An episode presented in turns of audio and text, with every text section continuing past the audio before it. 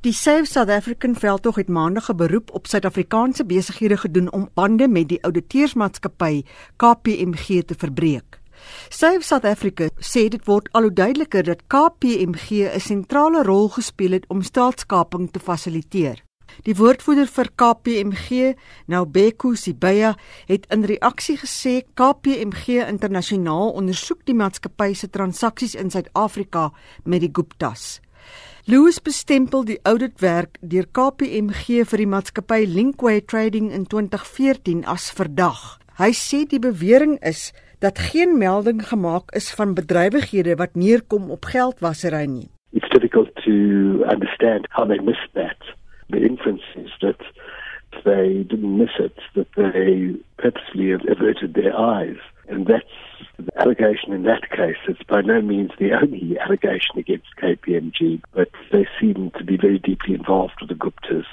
Geldwasery is volgens Louis 'n manier om die oorsprong van geld wat onwettig gemaak is te verbloem. Taking money that has been gained from corruption or illegal activities. It could be drugging, it could be human trafficking, it could be terrorist financing. Money, one way or another, earned from an activity that was illegal or a source that was suspect, and then cleaning that money by passing it through a series of bank accounts or buying a yacht and then turning it effectively into a, a legally acquired asset.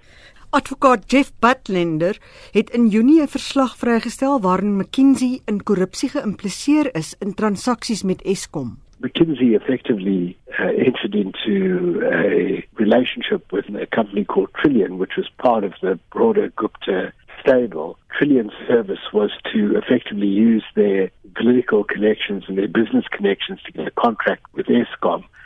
A contract that was actually never signed, but for which they were paid about 500 million rand in exchange for which uh, it did absolutely no work uh, but managed to ensure that McKinsey got the work for a further billion rand. Patlender het bevind dat McKinsey toegestem het om 30% van sy werk van Eskom aan Trillion te subkontrakteer onder die voorwendsel van verskaffingsontwikkeling.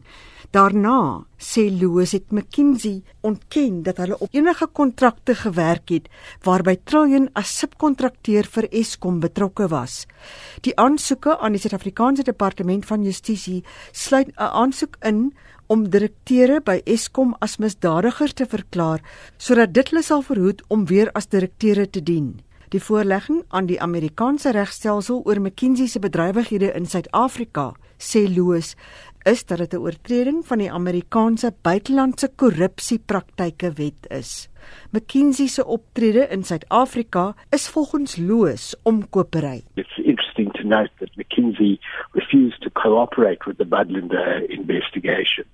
Well, I hope that if the U.S. Department of Justice takes up the request that they investigated, that they will be compelled to cooperate with that inquiry.